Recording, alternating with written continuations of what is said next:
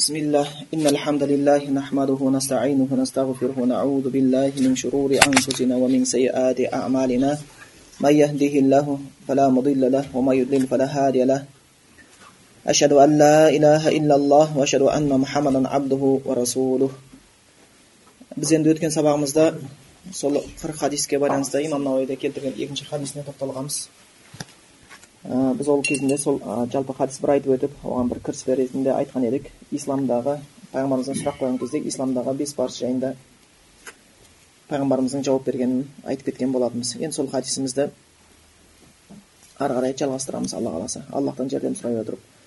Біз айтқанымыз келген адам ол ә, қандай кім еді? Жәбірел періште. Адам кейпінде келіп тұр. Бұдан біз білетініміз бір нәрсеміз. Періштелер өз кейпін өзгерте алады екен.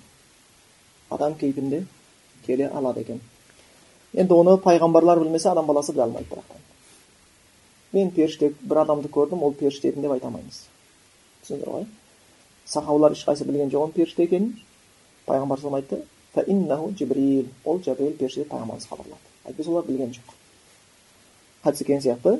Олар айтты біз пайғамбардың қасында отырған кезде ражулун деп келеді бір кісі келді дейді бір кісі келді деп айтады періште келді деп айтпайды бұл да жаңағы сахабалардың хадис жеткізудегі дәлдіктері кейін оның періште екені белгілі болды біз отырған кезде бір періште кіріп келді деп айтқан жоқ кісі кіріп келді дейді кейін пайғамбар саллаллаху алейhi оның періште екенін хабарлағаннан кейін барып білді енді ол, ол жаңағы періштелер енді бұл аллахтың бір сондай нұрдан жаратылған жаратылыстары соның ішіндегі жәбірел періште олардың ең үлкені ол жәбірел періште пайғамбарларға уахи алып келетін біздің пайғамбар мұхаммед саллаллаху уахи алып келетін және сол сабақтың жаңағы пайғамбарымыздың ислам дінін үйретудегі тәсілдерінің біреусі сұрақ жауап болған ә, айтып кеттік. Осылай да сұрақ жауаппен де дін таратуға болатындығына байланысты. Оны кейбір ғалымдар осы қағидаға сүйеніп өз кітаптарында сұрақ қойып жауап беріп сұрақ қойып жауап беріп үйреткен кітаптар бар ақида мәселесінде болсын фиқ мәселесінде болсын осындай кітаптар кездескен болатын.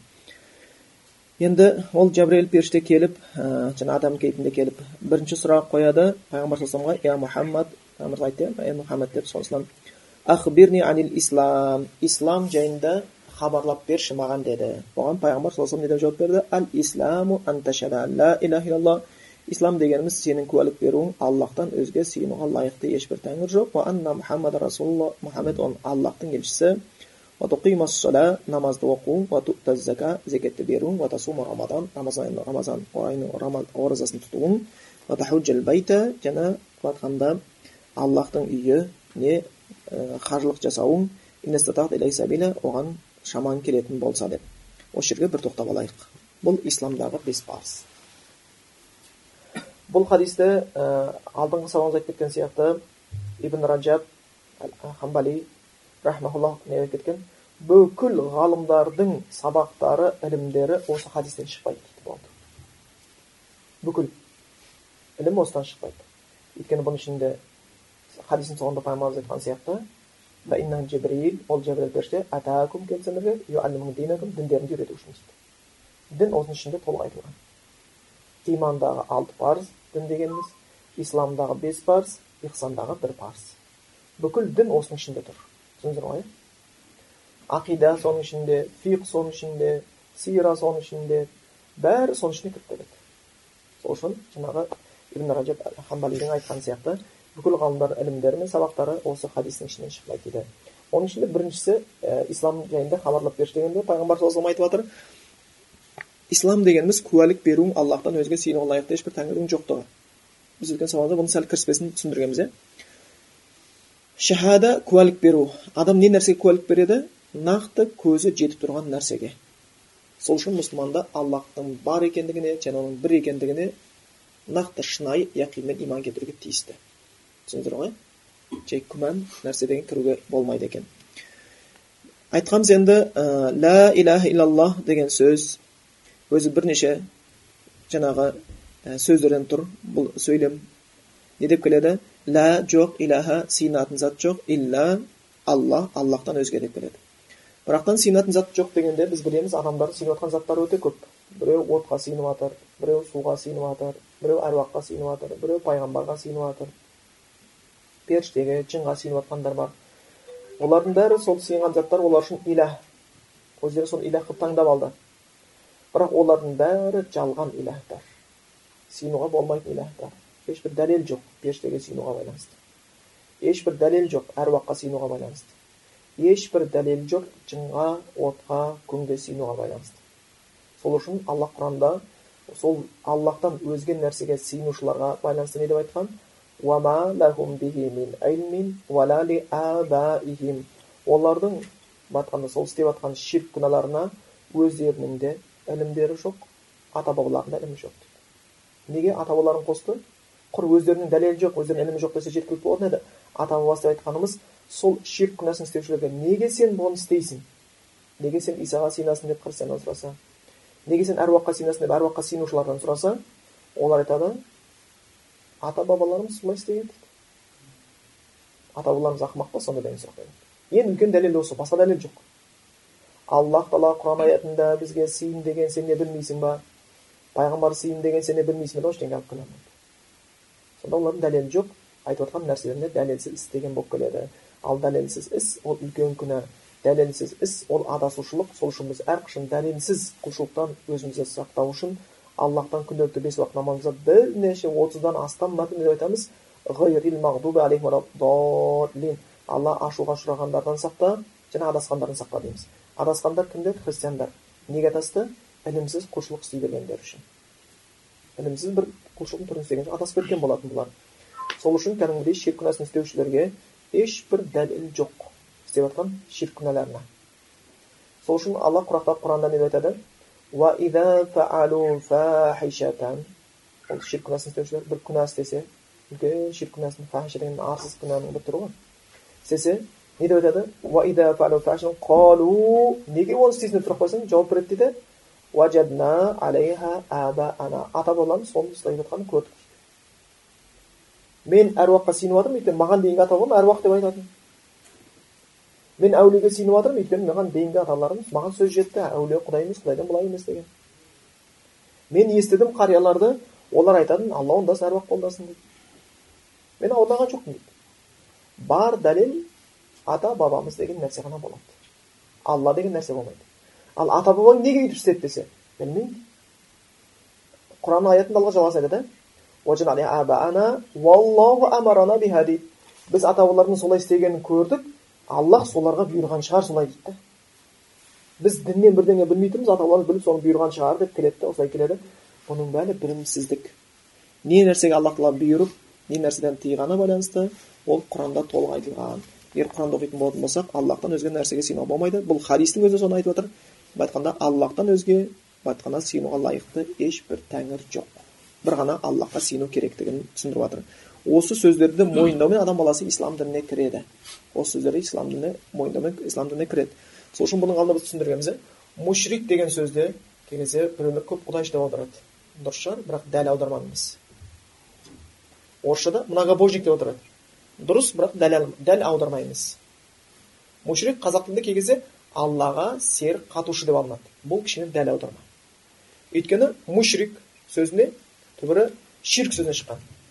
Мушрик ширк жасайтын адам бір нәрсеге ортақ жасаушы адам не нәрсеге ортақ жасаушы адам кімге ортақ қосады аллаға бұл деген сөз мушрик аллахты мойындайды деген сөз түсіндіңіздер ғой аллахты мойындайды аллахты құдай деп айтады аллахты сүйеді аллахпен ант ішеді аллах үшін садақа береді аллахтың разылығын іздейді бірақ соның қатарында және де бір нәрселерге сыйынады осы мушрик түсіндіңдер ғой көп адамдар ойлайды мушрик дегеніміз құдайды мойындамайды ол өзінше бөлек нәрсеге сиынып жүрген адам деп ойлайды аллахқа аллахты мойындамайды құр әруаққа сиынып жүрсе ғана ширк деп айтамыз жоқ дейді. Мушрик деген сөздің өзінің аудармасы бізге айтып тұр кәдімгі мағынасы айтып тұр. Біз әрбір сөздің мағынасын білуіміз керек иә. Мушрик деген аллахты мойындайды сол мойындаған аллахтың қатарында және бір нәрсеге сыйынады соны ширк деп атаймыз. Соны ширк бұл кешірілмейтін күнә. Аллахты өзіне серік қосқанды кешірмейді одан бөлек нәрсені қалаған одан төмен нәрсені қалаған пендесіне кешіреді деп келген. Егер кімде кім ширк күнәсімен өліп кететін болатын болса тозақта мәңгі қалып қалады алла сақтасын. Ал мұсылман адам аллахқа серік қосқан жоқ. Тозаққа түскен болатын болса мүмкін оқымаған намаз үшін мүмкін намаз оқитын адамдар ішінен тозаққа түсетіндер болады алла сақтасын. Хадисте келеді тозаққа түскен кезде аллах тағала оларды кәпірлермен бірақ азап бірдей болмайды. Намаз оқитын адам тозаққа түсетін болатын болса кәпірдің денесі толық жанса намаз оқитын адамның денесі толық жанбайды. Сәжде қылған жерлері отқа күймейді. Сәжде қылған жерлері бетін күйдірмейді аллах тағала. Алақанын күйдірмейді сол күйінде. Бірақ жалпы тозаққа түспей тұрмақ иісін иіскеуден өзін құдай сақтасын деп тілеген жақсы. Тозақта шын қандай нәрсе екенін адамдар білетін болатын болса оны түнгі ұйқысынан ажырап күндіз күлкісінен ажырап қалатын еді. Қазіргі кезде сол тозақ жәннат туралы ілімнің азайғандығы адамдардың арасында күнәнің көбеюіне себепкер болып жатыр. Ал енді мушрик адам түсетін болса оған шығу жоқ. Мәңгіге қалып кетеді. Мушриктерге мұнафиқтерге кәпірлерге тозақта мәңгі қалып кетеді. Ол деген тозақта қалғаннан тозаққа түскеннен де жаман болып табылады екен. Сол үшін исламды бірінші білу үшін исламның бірінші қағидасы екі нәрсе. Аллахтың бір екенін ғана мойындау оған ғана сиыну керек. Одан ғана жәрдем сұрау керек өткен сияқты сұрасаң аллахтан сұра жәрдем өтінсең аллахтан ғана жәрдем өтін деп келген аллахтан бөлек нәрсеге сене болмайды аллахқа тән сипаттарды мақұлыққа берсең онда ширк болады айтайық аллах ғайыпты біледі иә ертең не болатынын біледі кімнің дозаққа түсетінін біледі кімнің жәннатқа кіретінін біледі кімнің жақсы кімнің жаман екенін біледі кімнің мұсылман кімнің мұнафиқ екенін біледі аллах тағала білмейтін нәрсесі жоқ ал егер біз айтатын болатын болсақ пәлен деген әулие бар сол әулие келешекті біледі бір жылдан кейін не болатынын біледі бір көріпкел бар жоғалған мал тауып береді осындай ғайыпты айтады десек бұл да ширк болады өйткені ғайыпты білетін аллах тағала аллахтан бөлек ешкім ғайыпты білмейді тіпті пайғамбарлар да аллах оларға өзі ашпаса түсіндіңіздер ғой? Пайғамбарлар да өз еркімен ғайыпты білмейді мысалы алып қараңыздар пайғамбарлардың ең абзалы кім біздің пайғамбарымыз мұхаммед мұстафа саллаллаху алейхи вассалам сол ең абзал болған пайғамбар мұхаммед саллаллаху алейхи вассалам аллах хабар бермесе көп нәрсе білген жоқ айша анамыз туралы өсек тараған кезде шын өтірігін біле алды ма біле алмады ғой дұрыс па халықтан хабар келмейінше енді ойлаңызшы еркек адамға ең ауыр тиетін нәрсе әйелінің адал емес деген сөз дұрыс па? Осындай өсек тарады айша анамызды сонша қиналатындай. Үйіне кетіп қалатындай сонша уақыт созылатындай неге пайғамбар бәрін біліп тұрған болатын болса бұл нәрселерді байқамай қалды деген сияқты. Сол үшін пайғамбар саллаллаху алейхи өзін ештеңке білмейді ал аллах бір нәрсені білдірсе ол муғжиза деп аталады түсіндіңіздер ғой пайғамбардың оны білу қасиеті жоқ. Сол үшін құранда айтып келеді пайғамбар айтады мен ғайыпты білмеймін ғайыпты білсем жақсылықтың бәрін басым үй болатын едім дейді. Түсіндіңіздер ғой ал енді көріпкел басқа болып жүрген олар жындар келеді.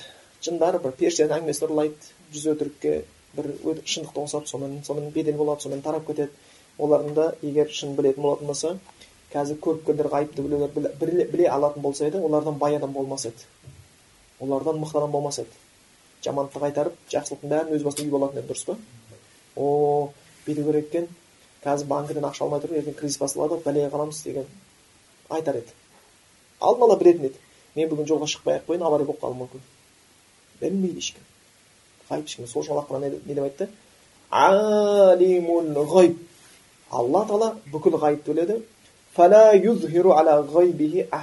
және ол ғайыпқа ешкімге ашпайды. Ешкімге ашпайды. Адамға да пайғамбарға да жай адамға да пайғамбарға ашпайды. Бірақ риза болған кімде елшілердің ішінен риза болған оның үстіне пайғамбардың бәріне емес екен кейбіріне ғана. Ол кезде аллахтың қалауымен ғана олар біледі сол нәрсені. Өздігінен ештеңе білмейді. Мысалы алып қараңыздар. Улул деген пайғамбарлар бар бесеу. Пайғамбарлар ішінде ең көсемдері ең абзалдары бесеу иә біздің пайғамбар мұхаммад мұса пайғамбар иса пайғамбар ибраһим пайғамбар нұх пайғамбар. Осы бесеуі улул әзім деп келеді. Олар ең абзал пайғамбарлар. Құранда келген жиырма бес пайғамбар ішінде ең абзалдар осылар. Мұса пайғамбар ферғауын артынан қуды елмен шыққан теңізге барып тіреліп қалды. Теңізге тірелді да қараса алдынан теңіз артынан ферғауын қауымы айтты мусаға бізді қуып жетті ғой бізді құрыдық қой ей муса сен бізді қай алып келдің? Сонда кей қарайсың сол сынақтан өтпеген мусаның қауымының иманы қазір мен мұсылманмын деп жүргендердің көбісінің иманынан жоғарғы деп ойлап қаласың да. Өйткені сол жерде мұса айтады ғой раббым менімен бірге деп ол маған жол көрсетеді бізбен бірге деген сөзге лайық болмай қалды олар аллах айтқан аллах және сынады. Өмірде сондай. Аллах саған бір ілім береді да ілімге байланысты сынақ береді. Ғайбат харам дейді да бірақ та сынақ береді. Сен ғайбат айтпасың өттің. Кедейлікке сабыр қыл дейді да сынақ береді шыдауың керексің. Байлық деген фитна дейді сынақ береді шыдауың керексің. Әйел деген аманат дейді сынақ береді шыдауың керексің. Көп адам оны білмейді. Тіпті кей кезде үлкен сынақтар емес өкінішке орай майда сынақтан өтпейді. Мысалға ашуланған кезде не істеуіміз керек? Аузу биллахи бәріміз білеміз осы хадисті бірақ кім айтады сол кезде жай ойланып қарайықшы ашуланған кезде қайсымыз айттық осыны хадисті білеміз және хадис білеміз ашулансаң отыр дейді қайтпаса жат дейді болмаса дәрет ал дейді бәріміз білеміз ғой бірақ біл, мәселе білгенде емес кім амал жасайды түсіндіңіздер ғой кім ол амал жасайды деген сияқты енді мұса пайғамбар теңізге тірелді сонда мұса пайғамбардың қауымының бәрі мұсаның қолындағы аса таяқтың аллахтың қалауынсыз құр таяқ екенін білді да олар. Ей мұса қолында таяқ бар ғой сенің волшебный давай қайық қылып өтіп кетейік. Давай айдаһар қылып ферғауынға жіберейік. Давай бірдеңе қылайық деген сияқты ондай ешкім айтқан жоқ та. Аллах қаламаса таяқ ештеңке болмайды. И муса да біліп тұр ол таяқ ештеңе болмайтын и муса да білген жоқ теңіз жарылатынын. Аллах жол көрсет деп тұр болды. Ештеңе білген жоқ. Мұса пайғамбардың қолында кеше айдаһар болған таяқтың өздігінен айдаһар бола алмайтынын білді қауымдар. Ал қазіргі кезде бізде тал да әулие су да әулие не болса соның бәрі әулие да? Қасиет беріп қойған. Ойбай мынау пәленше деген әулиенің дамбалы түгенше деген әулиенің аса таяғы анандай деген әулиенің сәлдесі. Не болыпты?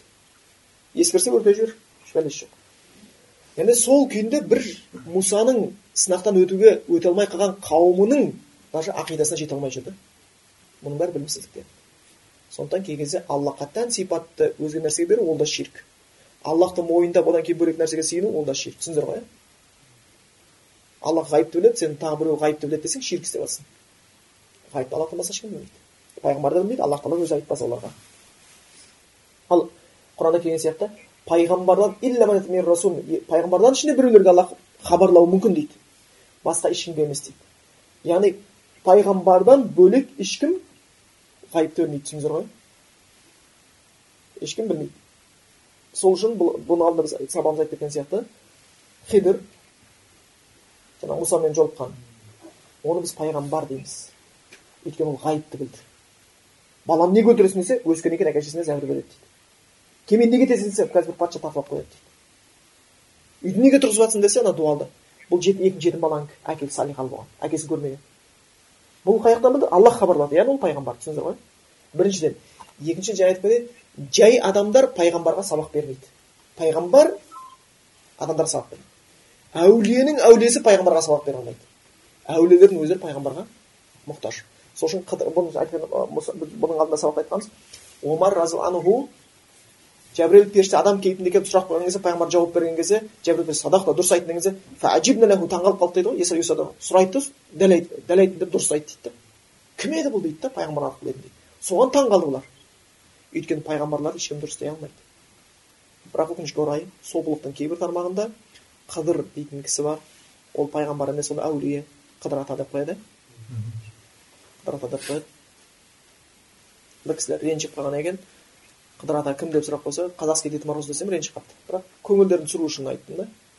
Ондай бір сенбесін қыдыр пайғамбарға тіл тигізу үшін емес. Алланың аңыздарынан қайту үшін айтқан ол нәрсені келеді екен бас бармағында сүйек болмайды екен амандасқан кезде. Байқап қалсаң бір адам сүйегі жоқ екен. Тілегін тілей жібер деген сияқты осындай бір қауесеттер бар. Олар келіп сабақ береді екен.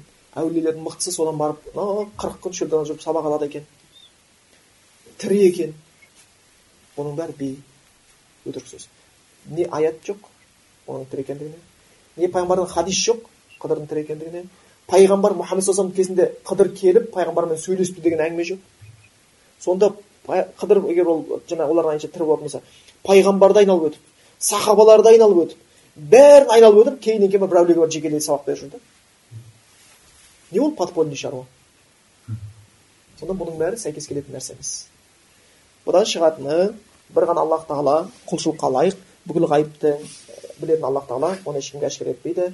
Әшкере етсе тек қана пайғамбарларынан риза болғандарына.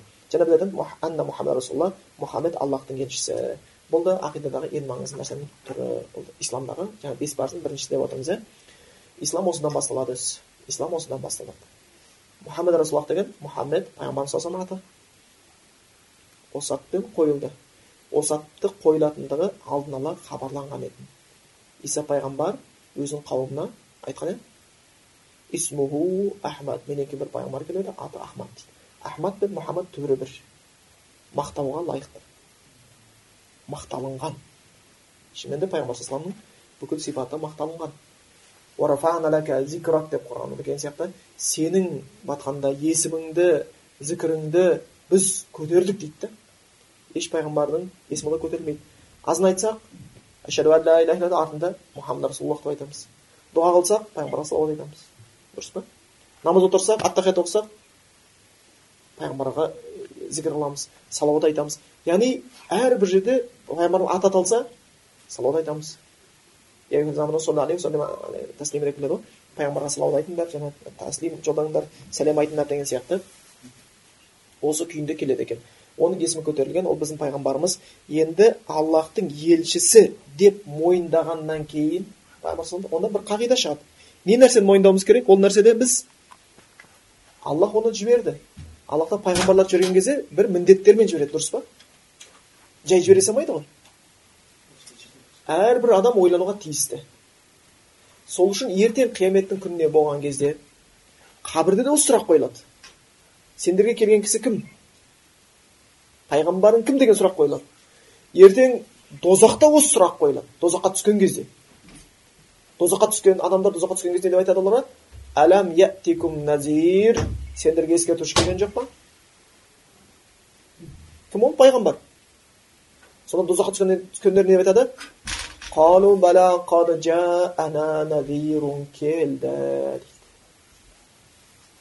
сол үшін пайғамбар мұхаммед саллаллаху пайғамбарлығын біреу мойындайтын шығар біреу мойындамайтын шығар тәкаппарлықпен білімсіздікпен надандықпен сондай шығар. Бірақ пайғамбар мұхаммед туралы хабар бәр жерге тараған дұрыс па? Орыстар мойындамаса да там мұсылманский пророк деп сөйлейді дұрыс па? Бәрі біледі ол нәрсені. Сонда ол біздің пайғамбарымыз ол туралы хабар бәрі жерге тарады. Енді аллахла мұхаммед сондай пайғамбар жібергеннен кейін не нәрсемен жіберді деген нәрсені ойлану тиісті болады. Пайғамбарға иман келтірдік деген сөз құр атын атап қойдым деген сөз емес. Пайғамбарға иман келтірдім деген сөз бізге ар бір бірнеше міндеттерді жүктейді. Оның келген хабарларын қабылдау. Пайғамбарымыз көптеген хабар әкелді. Дұрыс па? Пайғамбар мұхаммед саллаллаху алейхи сияқты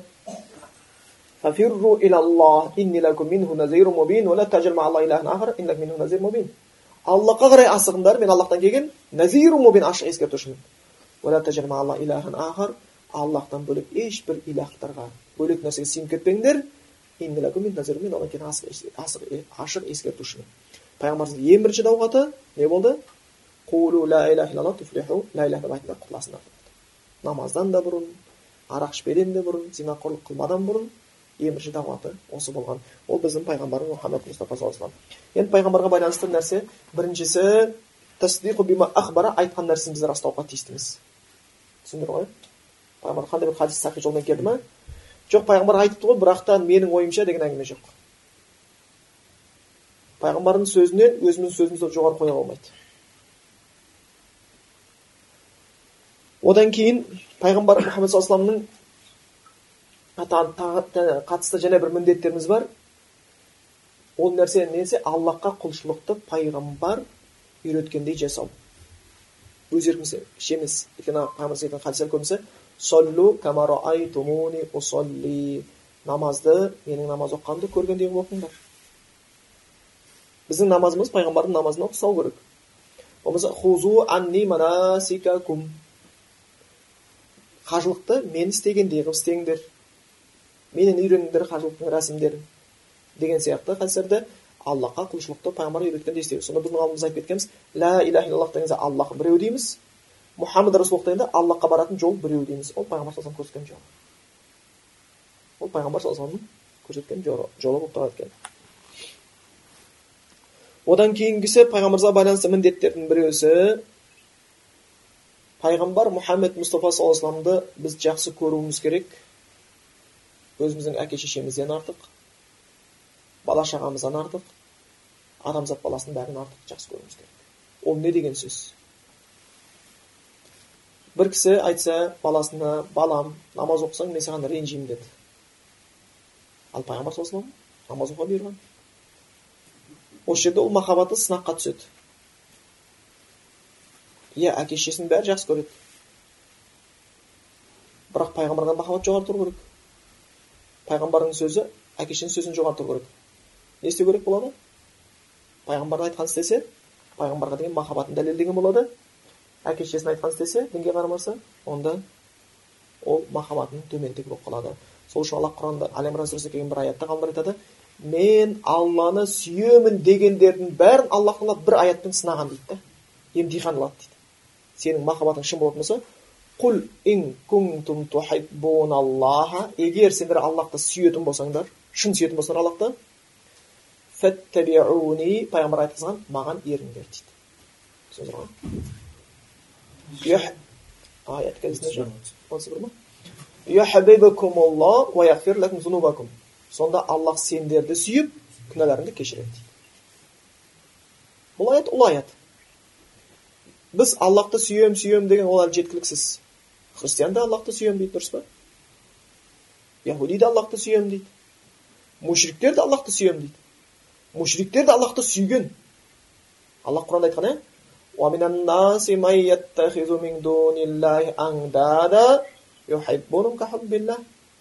олардың ішінде біреулер бар адамдардың ішінде аллахтан бөлек нәрсеге сыйынып жүр. Және сол сыйынған заттарын алланы сүйгендей сүйеді дейді. Аллах тағала мушриктер өзін сүйетіндігін хабарлап жатыр бірақ ол махаббат оларға көмектеспейді. Аллахтың бұйрығын және оның елшісінің бұйрығын жоғары қоймайынша. Түсіндіңіздер ғой?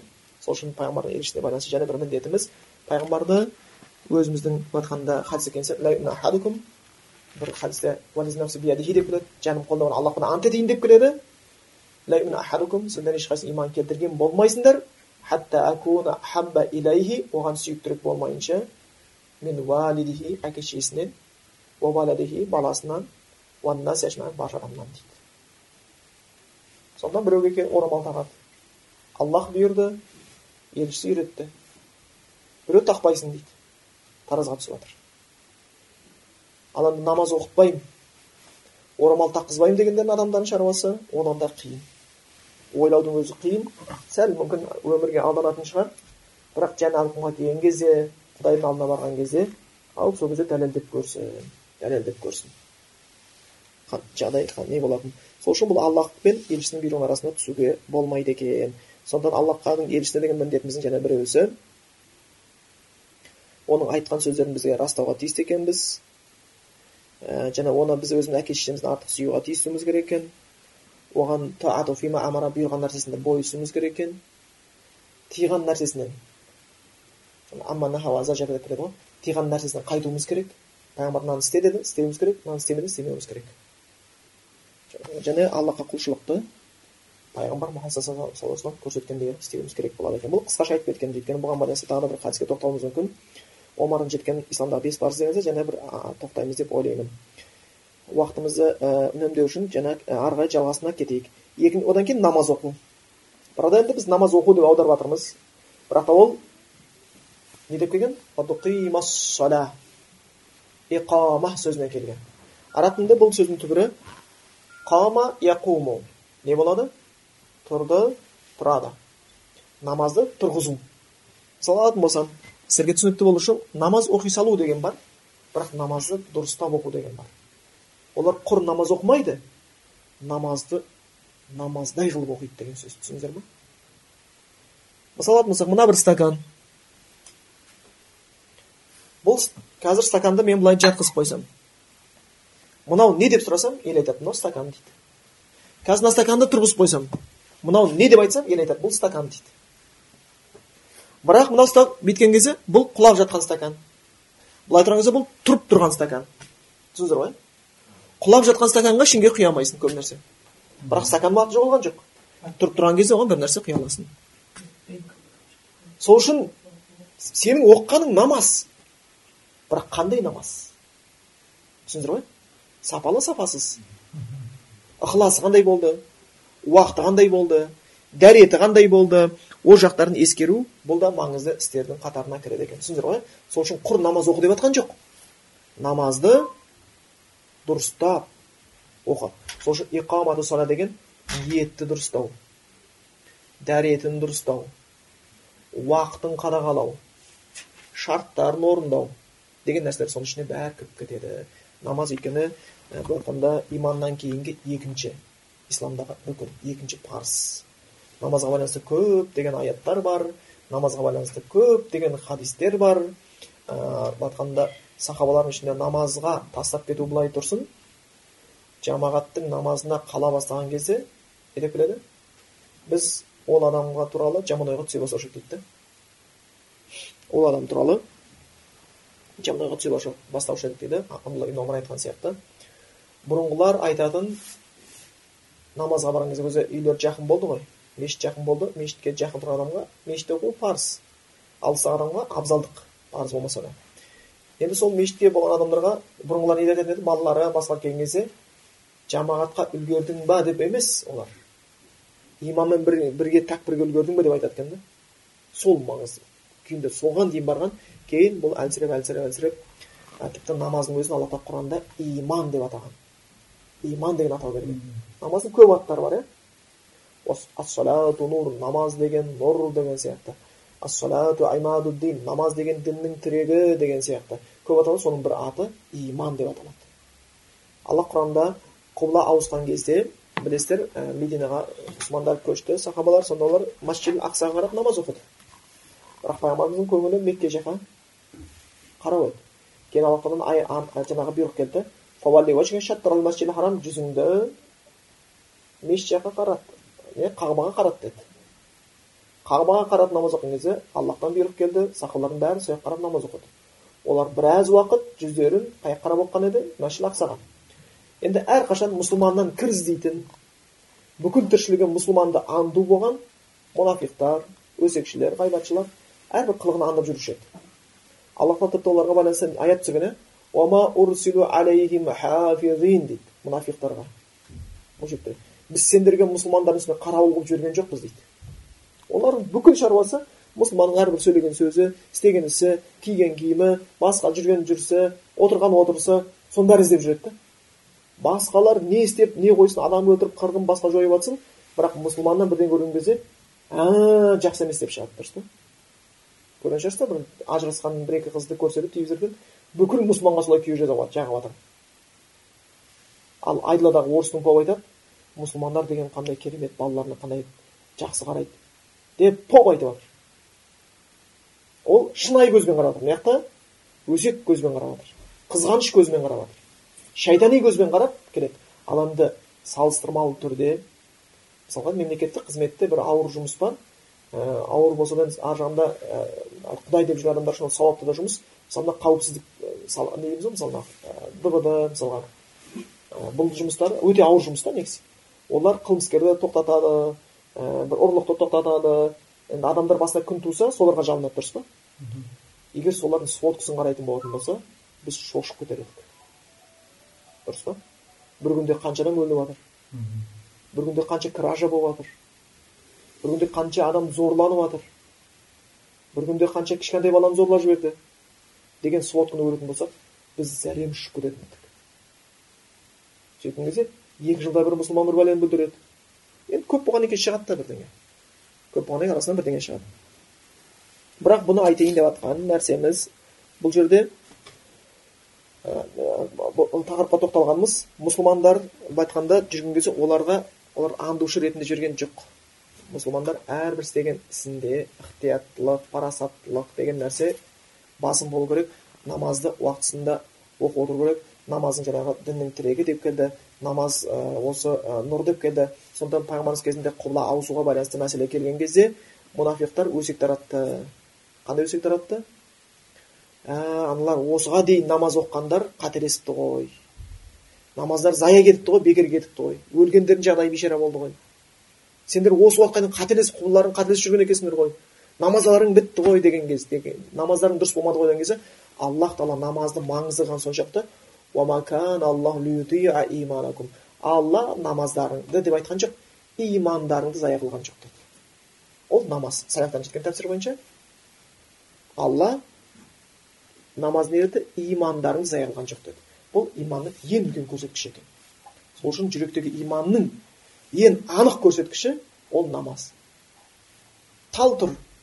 Біз жапырағына қарап біреу алма жоқ алма емес қара тал жоқ қара тал емес сүмбіл тал деп таласып жатыр.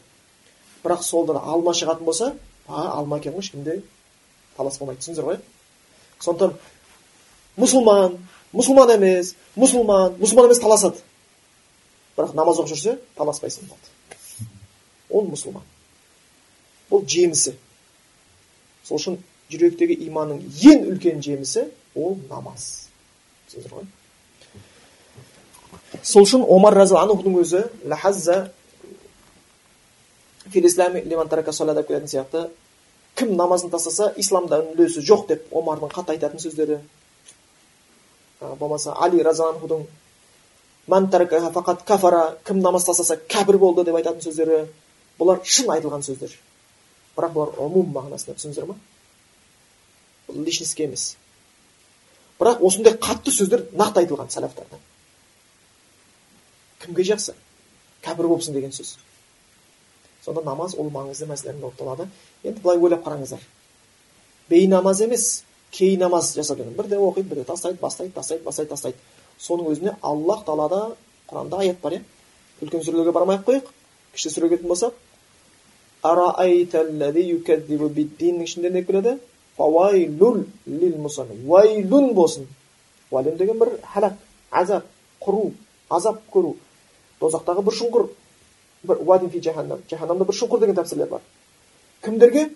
Лил мусаллин намаз оқитындарға. Субханалла. Сол намаз оқитындарға бәлекет келе ма?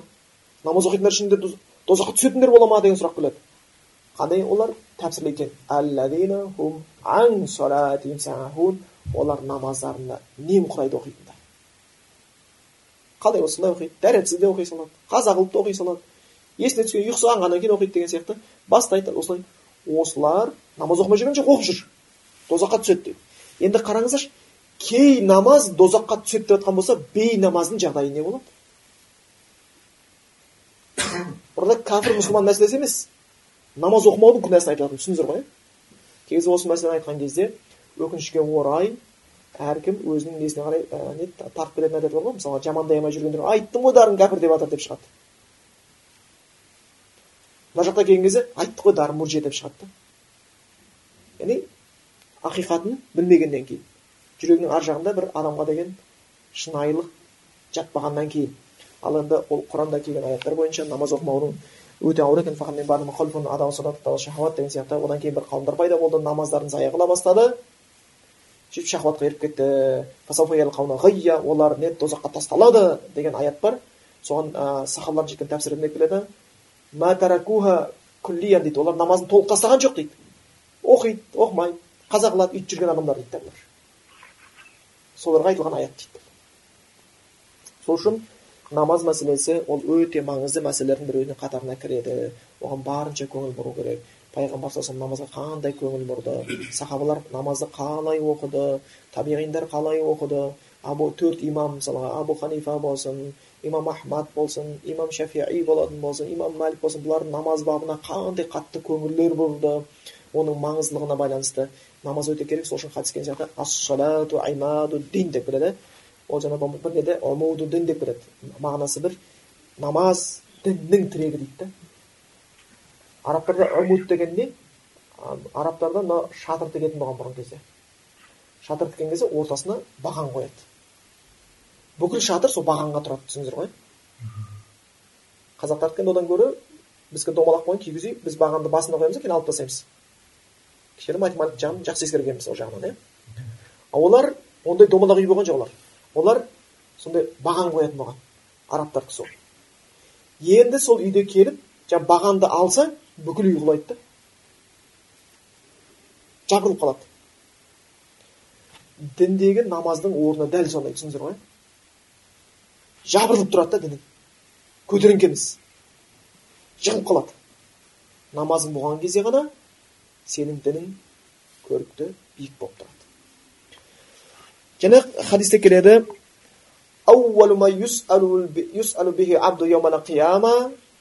Қияметтің күнінде ең бірінші сұрақ құлдан намаз жайында басталады қабірден кейінгі бұл жағдай. Түсіндіңіздер ғой?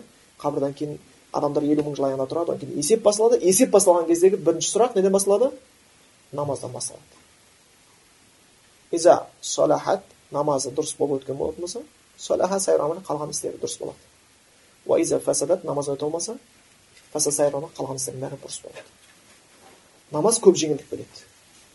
Намаз көп жеңілдік беріп отырады екен. Сол үшін намазға немқұрайды қарауға болмайды. Намазға қатты көңіл бұру керек. Оған сылтау жоқ. Қолың тимей жатыр анандай болып жатыр. Мұндай болып жатыр деген сияқты. Өйткені құран аяттарын сіздер білесіздер. Намаз ауру адамға да оқитылады. Намаз былай айтқанда соғыста жүрген адам да оқиды дұрыс па? Егер сен олармен намаз тұрғызатын болатын болсаң әскерекке бөлінсін біреусі жаудың шебінде тұрсын біреуің оқыңдар одан кейін оқығандар ауыссын деген сияқты. Соғыстың кезінде намаз бар. Егер одан қатты одан да күшейтілсе онда жүріп жүріп те аттың үстінде шайқасып тұрса оқи беріңдер дейді да сен өмір мен өлімнің арасында арпалысып жатсың онда сен қылышыңды сермеп алып та намазыңды оқи бересің. Сол кезде оқымай ақ қой деп айтылатын намаз ал енді сен бейбіт уақытта қарнын сипап отырып не отырып енді көрейін пенсияға деп отырып ол. Намаз туралы мүлдем бейхабарлық.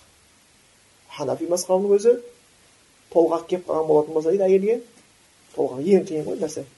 Намаз уақыты келіп қалған болатын болса оған парыз дейді да оқу. Оған парыз дейді толғақсыз ақ қанша адам намазын оқымай жүргенін біз көріп жатырмыз. Сондықтан бұл екінші бір нәрсе намаз мәселесі. Оған және бір тоқталармыз. Біз енді келесісіне өтейік. Зекет беру. Зекет дегеніміз бұл жаңағы малы нысапқа жеткен кісінің малынан болған жаңағы ә, бір артықша нәрсені керек кепшікке беру. Қоғам осымен түзеледі зекеттің көп пайдасы бар. Негізгі пайдасы мал дүние біткеннен кейін ойлаймыз кедей адам ә, жаңағындай бір дүниені аңсап е деп жүреді деп дүние біткеннен кейін де болды осы бір кішкене үйім болса машинам болса бір маған бір жигули жетеді бір екі бөлмелі үй жетеді деп армандауы мүмкін адам жаяу жүрген кезде ше жигули алып екі бөлме алғаннан кейін джип болса жақсы болар еді деп айтады ол мүмкін емес байыған адамдардан сұрап көріңіздер сенбесеңіздер болды деген біреу көресіздер ма одан кейін маған айтып келесіздер қазақ оны мақалмен қысқаша қысқаша қайыра салады кедей бай болсам дейді бай құдай болсам дейді дейді біреуге нан бер деген сөз жан бер деген сөздей болып қалады да. Кәдімгідей болып қалады. Тіпті қазақта мақал бар кедей жомарт дейді да енді осындай байған кезде пайда болатын сараңдық дейтін аурудың емі ол зекет садақа түсіндіңіздер ма сонда адам өзін емдеп жатыр ол.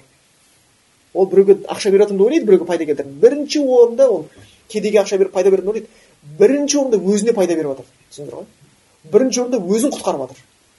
Өйткені пайғамбар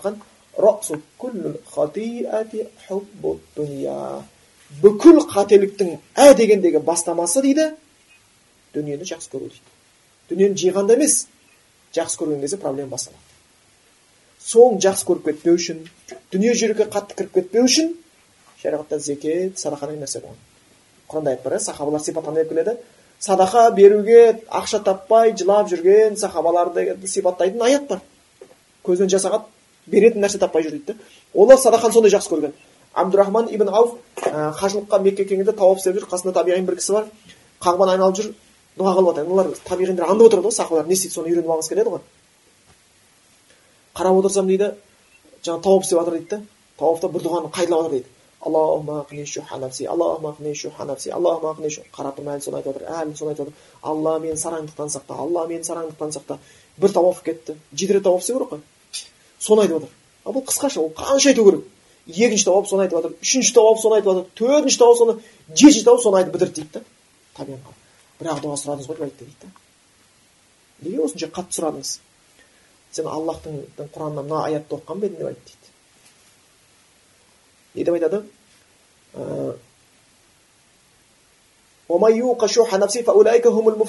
кім өзінің жанының сарандығынан құтылған болатын болса ол муфлих болады дейді муфлих деген сөз түбірі фалахтан шыққан біз айтамыз ғой араб тілінде фалахтан артық сөз жоқ дейді фалах деген сөз дейді ғалымдар түсіндіреді бүкіл жақсы сөзді армандайтын нәрсеңді алып келші соның соның бәрі фалахтың ішінде дейді да бақыт па фалахтың ішінде жазылу ма фалахтың ішінде құтылу ма фалахтың ішінде мәртебе ма фалахтың ішінде бүкіл дүние ақыреттің жақсылығын қамтыған сөз дейді да сол үшін біз намазға фалахқа келіңдер деп айтамыз құр намазға келіңдер айтпаймыз аллах айтып жатыр дейді кім өзінің сарандығынан құтылса сол муфлих болады деп айтты сол үшін кей кезде мал дүниесін зекет бергісі келмейтін адам сарандықпен мен қазір мынаны беріп қойсам ертең қиын болып қалатын болса бір қиын жерде ақша таппай қалатын болсам анау мынау азайып қалады үйтіп қалады бүйтіп қалады деген адамға аллах деп не деп айтады ғайыпты біліп тұр ма дейді да қайдан біледі бай бола ма кедей бола ма аллахтың қолында сонда зекет садақа беретін адам нені мойындайды мен емес өзімді өзім байыған аллахтың арқасында деп отыр да аллахтың арқасында деп айтады алла тағалаға әп сәтте оны кедей қылып қою қиын емес дұрыс па өзі миллион миллиард деген сөздер білесіздер ғой бәріміз мақұл көрдік қой миллион деген сөз алдында бір тұрады артында көп нөл тұрады нөл деген сөз ғой нөлдер түсіндіңіздер ма мынау бір деген жоқ болатын болса нөл да оның бәрі тиын болмайды түк те болмайды нөл егер мына жақта дүние нөл дым пайдасы жоқ егер жүректе иман болмаса аллахқа деген тәуекел болмаса бұны беріп жатқан аллах тағала деген нәрсе болмаса сол үшін ол мысалы бізге рызықтандырып бере рызықты беретін аллах тағала біз тек қана себебін жасаушылармыз себебін жасаушылармыз болып келеді екен. Бұл бірінші пайдасы. Зекет берген адам бірінші өзін құтқарып жатыр өз өзіне жан ашып жатыр сол үшін абу бәкір сыдықтың кезінде зекет бермегендерге соғыс ашылған. Оларды құтқару үшін оларды бір басын шауып алу үшін емес олардың өздерін құтқару үшін. Өйткені ол надан олар білмей жатыр өзінің пайдасын. Екінші қоғамда кедейлерге пайдасы бар. Жетім жесір мұқтаж қарызға батқан түрмеде отырған деген сияқтыларға пайдасы бар бұның. Оның жағдайын көтересің. Олар және саған дұға қылады және пайдасын табасың. Үшінші қоғамның құлдырауынан құтқарады. Қоғам қайырымдылықсыз ешбір қоғам тұра алмайды түсіндіңіздер ма егер байларда қайырым кететін болса кедейлерді бөліп тастайтын болса ол қоғам бір күні құлайды. Екеуінің арасында байланыс болу керек. Ол байланысты садақа зекет ұстап тұрады. Қайсы бір қоғамда жаңағыдай пенсионерлерге жағдай жасамаса қарасаң вообще өкіметке бір пайдасы жоқ сияқты пенсияларға бір вообще отырып алып қарап тамақ ішіп жатқан адамдар сияқты. Бірақ неге үкімет пенсияны береді? Өйткені олар ренжісе ертең әжептәуір проблема пайда болайын деп тұр. Тиын берсе де пенсия береді. Жетім жесір айтқанда көп балалыларға көмек деген сияқты. Осының бәрі қайырымдар. Егер осы нәрселер болмаса қоғам сол кезде құриды қоғам сол кезде құритын болып келеді екен. Сол үшін жаңа бір керек болған бір зекет кәдімгі оның пайдасы бар. Жаңа әрқашан да ұмтылу керек пайғамбар кезінде сахабалар келіп айтты. Аллахтың елшісі анау байлар сауаптың бәрін алып кетті біз сауапты қалай табамыз? деп кедейлер келді. Біз садақа бере алмаймыз олар сияқты деп. Былай істеңдер былай істеңдер мына тәсбих айтыңдар зікір айтыңдар сонда олар кәдімгі біз байымай қалдық деп жатқан жоқ. Садақа бере алмай қалдық деп жатыр да аналардың ақшасы көп бізде ақша жоқ бұл не деген дін деп айтып жатқан жоқ түсіндіңіздер ғой садақа бере алмай жүрміз анандай құлшылық істей алмай жатырмыз біз. Бізде намаз бар оларда да намаз бар бізде ораза бар ораза бар. Бірақ олар садақа біз садақа бере алмай жатырмыз біз зекет бере алмай жатырмыз. Бізде бір құлшылық кем болып тұр. Ертең алланың дәрежесі жоғары болатын бұл жәннатта. Біз сонда түсіп қаламыз енді дәрежеміз. Деген оймен келіп отыр. Құлшыну үшін. Сол үшін адамға батқанда кішкене жүрегінде иманы күшті болған болса ол зекет имам шафи айтады ә, зекет дейді намаул иман дейді иманның өскенін көрсетеді дейді зекетті қиналмай беретін адам садақаны қиналмай беретін иманы көтеріліп тұр деген сөз. Сәл бір қиналып жорға дегенде ол уже бұрыс адам деген сөз иманы бұрыс адам болып бірақ сол зекет садақа бермейтіндердің мал дүниесі бар ғой. Пайдасыз жерге кетіп жатыр дұрыс па? Казиноға он мың доллар ұтылып келіп жатқан біреу отыр қазір. Бірақ өзінің туысқанына он мың теңге сатқан жоқ етін сол туысқаны келіп ойбай мен екеуміз бір атадан тудық қой анау сенің өзіңдей балаң ғой менің. Ауырып қалыпты бір больницаға жетпей жатыр ей берші десе е қазір жоқ ей баршы миды ашып жүр ғой істемей еңбек істемейсің жалқау бәлесіңдер сен жалаң аяқ кет кет деп барып он мың теңге бермей туысқанын он мың долларды казинода ұтылып келген адамдар бар далаға кетті. Пайдасы жоқ. Ертең сол дүниесі өзін азаптайды құран аят бар. Зекет бермеген зекет малдары жиналады да ертең неге айналады? Айдаһарға айналады. Дәу жыланға. Басы жып жылтыр көзінің төсінде екі қара түйіні бар. Келеді да қылқындырады мен сенің зекетіңмін мен сенің зекетіңмін бұл дүниенің өзінің ана дәу жыландары қысқан кезде қабырғаңа ұқсатып жүреді дұрыс па тозақтың жыланы не болады? Мен сенің зекетіңмін мен сенің зекетіңмін кедей кепшікке жетім жесірлермен жасырған деп келеді екен. Сондықтан бір нәрсе зекет оны өзімізге де басқасына алла тағала дүниеге мұқтаж болып тұрған жоқ. Бұл шынымен де өзімізді құтқару үшін рамазан рамазан оразасын тұту дейді. Енді оны баршамыз білеміз. Рамазан айында келеді. Ол да үлкен бір нәрсе пайғамбар оған жеткен хадис бойынша хадис құдыста алла айтады оразаның сауабын өзім беремін дейді да бұның өзі жеткілікті. Қандай дәрежеде ораза ұстағандар не? Жәннатқа құр есіктен кірмейді қандай есіктен кіреді? Мен бәбір райян раян деген есіктен кіреді дейді бұл уже түсінікті. Қандай нәрсе екен сауабы? Түсінікті сахабалардың оразаны жақындаған кезде алты ай бойы жақындап қалған кезде алла оразаға аман есен жеткізші оразаға аман есен жеткізші деп ораза өткеннен кейін алты ай бойы оразамды қабыл етші деп жататыны бекер емес. Қандай қадірін білгендіктері соның біреусі рамазан оразасын тұтуды келеді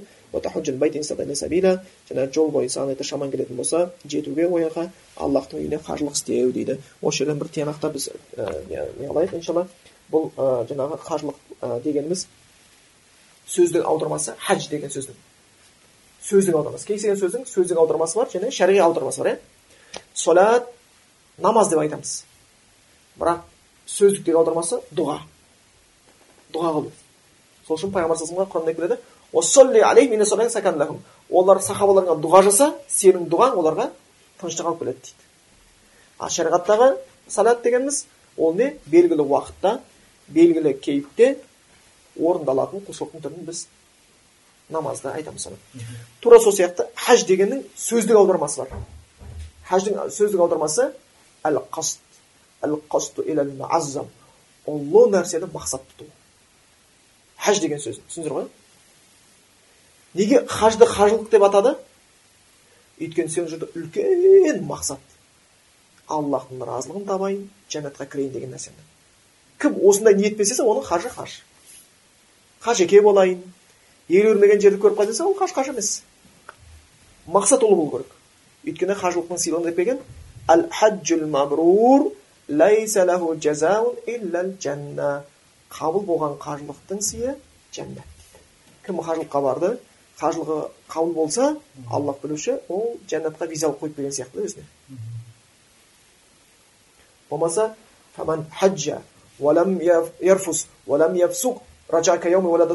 кім қажылық істесе жаман сөз сөйлемесе жаман іс істемесе анасынан туғандай болып қайтып келеді дейді.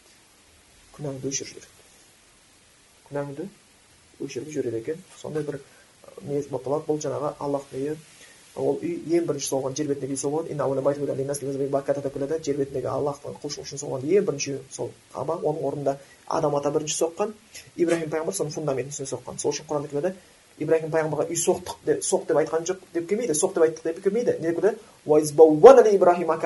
біз ибраһим пайғамбарға үйдің фундаментін көрсеттік дейді да қай жерде екен соның үстіне соққан болған иә уже орны болған. Бірінші соғылған үй сол адам ата түскеннен кейін соған соққан. Кейін нұх пайғамбардың кезінде су шайып кеткен. Одан кейін ибраһим пайғамбар көрсеттік орны қай жерде екен тура соған барып соған соққан. Сол жерге соққан. Адамзат баласының жер бетіндегі тарихы сол жерден басталады. Содан көбейдік өстік кеттік жер бетіне тарадық. Содан біз жер бетіне тараған болып табылады екенбіз. Сондықтан ол былай айтқанда жер бетіндегі ең бір қасиетті жерде орналасқан құран аяты сол жақтан барып түсе бастады ол жерде бір оқыған намазыңның сауабы жүз мың намаздың сауабына татиды екен аллах тағала қажылыққа барғанымыз алла қажылықтарымызды қабыл етсін бармағанымыз болатын болса баруды нәсіп етсін келесі жолы ары қарай жалғастырамыз иншалла